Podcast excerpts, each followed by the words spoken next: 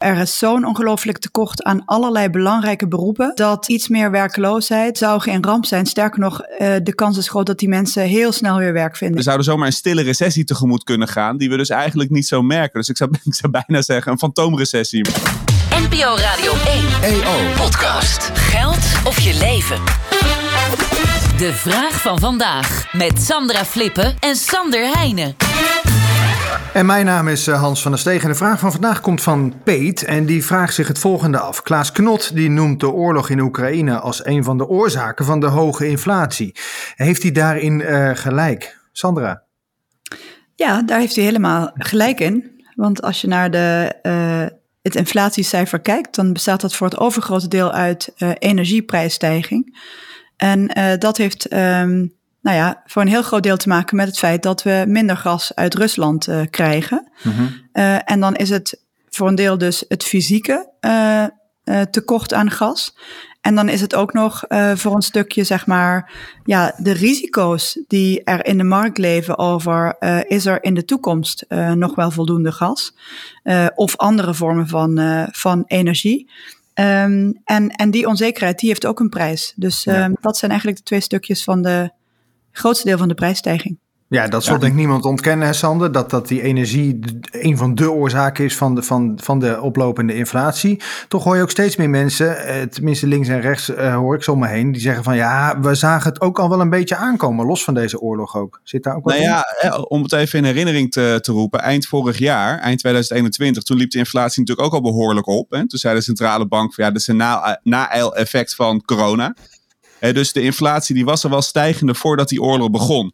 Dan heb ik ook wel verslagen gelezen waarin staat dat Poetin toen al een beetje begonnen was met, uh, met de gastoevoer af te knijpen, zodat we onze voorraden niet al te vol hadden. Dus, dus, dus dat zat er misschien al een beetje in.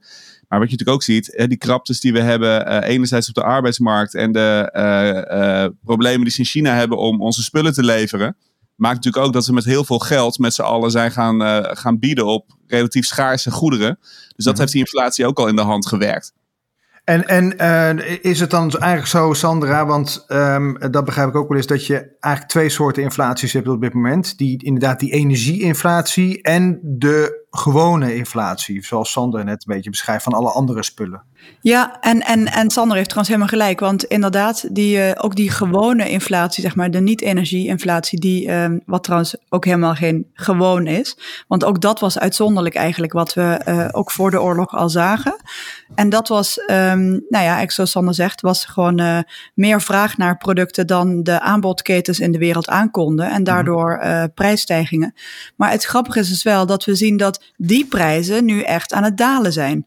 Dus um, in, uh, in de loop van volgend jaar verwachten we wel dat, dat uh, die prijzen juist een beetje verlichting gaan geven op, op het hele inflatiegebeuren.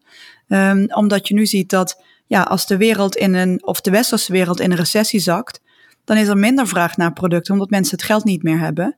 Ja, en dan kunnen die aanbodketens beter herstellen en dan daalt de prijs. En is het nou ook zo, want, want, de indruk die ik heb is dat het ook nu, hè, omdat mensen zo bang zijn voor een energierekening, dat we ook gewoon minder spullen gaan kopen. Dat dat eigenlijk de belangrijkste drijver is. Hè? Dat, we nu, dat we nu zien dat die, dat die reguliere inflatie, zou ik het maar even noemen, dat die aan het afnemen is. Dus het is ergens ook wel weer een soort catch-22 of zo hè, op dit moment waar we in zitten. Ja.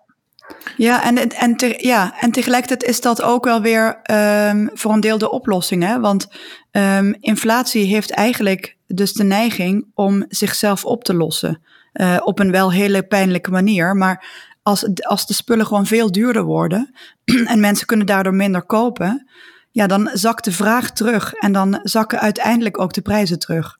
Alleen, ja, dat gaat helaas wel gepaard met vaak veel werkloosheid.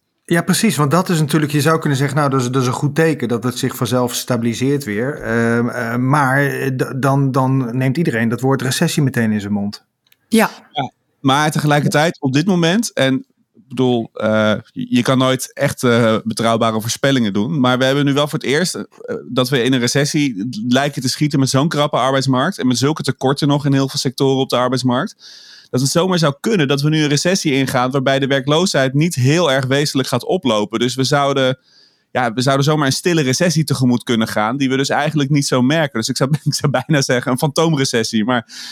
Ja, Dat ben ik helemaal met je eens. Ik denk dat het, als, als er een moment is waarop we een recessie kunnen hebben, in die, in die zin is het uh, qua arbeidsmarkt is het dit moment. Sterker nog, er is zo'n ongelooflijk tekort aan allerlei belangrijke beroepen, uh, dat uh, iets meer werkloosheid zou geen ramp zijn. Sterker nog, de kans is groot dat die mensen heel snel weer werk vinden in, in andere beroepen. Dus eigenlijk moet zich dat ook nog uh, stabiliseren. Uh, dus Peet heeft gelijk als hij zegt dat het een van de, van de oorzaken is, dat Oekraïne een van de oorzaken is van de hoge inflatie. Um, nog, nog even heel kort benieuwd, Klaas Knot zei ook van die inflatie kan ook nog een hele tijd heel hoog blijven. Delen jullie die mening? Weet ik eigenlijk niet. Kijk, ik denk dat die energieprijzen nog wel heel lang heel hoog kunnen blijven. Maar dat wil niet zeggen dat die inflatie heel hoog blijft. Want als die eenmaal die hoge prijzen zijn doorgetikt in dat getal. En dan zou je eh, normaal gesproken zou het niet nog weer veel duurder worden. Dus in die zin, uh, je blijft het effect houden dat je gewoon veel minder kan kopen voor je geld. Maar dat hoeft niet nader op te tellen volgens mij. Ik weet niet hoe Sandra daar naar kijkt, maar... Nee, klopt. Een hoge prijs is, zeg maar, een stabiele hoge prijs is een inflatie van nul. Gek genoeg. Um, maar maar wat denk ik wel een risico is, waardoor de inflatie hoger zou kunnen zijn dan nul, is dat um, als er nieuwe, um, ja, nieuwe ellende op ons bordje komt. Bijvoorbeeld, uh, stel, uh, en, en dat, dat denk ik niet, maar stel de, de huizenmarkt zou de crisis verder verdiepen. Uh, dus dat de huizenprijzen snel gaan dalen, waardoor mensen ook weer qua consumptie op de rem trappen allemaal denkbare uh, schrikbeelden, zeg maar. En dat, ja, dat soort dingen kunnen de inflatie wel hoog houden. Er zijn nog een boel onzekerheden, uh, maar laten we die voorlopig uh, maar even... Ja, maar daar gaan, we, daar gaan we maar even niet vanuit. We hebben al genoeg, genoeg om mee te dealen, vinden ja. we niet? een, stabiele hoge prijs is een inflatie van nul. Die gaan we even onthouden, Sander. Die gaan we op een tegeltje zetten. um, goed, de vraag was dus, Klaas Knot noemt de oorlog in Oekraïne als een van de oorzaken van de hoge inflatie. Nou, daar heeft Peet dus gelijk in. Heb jij nou ook een vraag aan Sander of Sander? van allebei. Uh, mail dan naar podcastradio1.eo.nl. Dit was hem voor vandaag. Morgen natuurlijk weer een nieuwe vraag.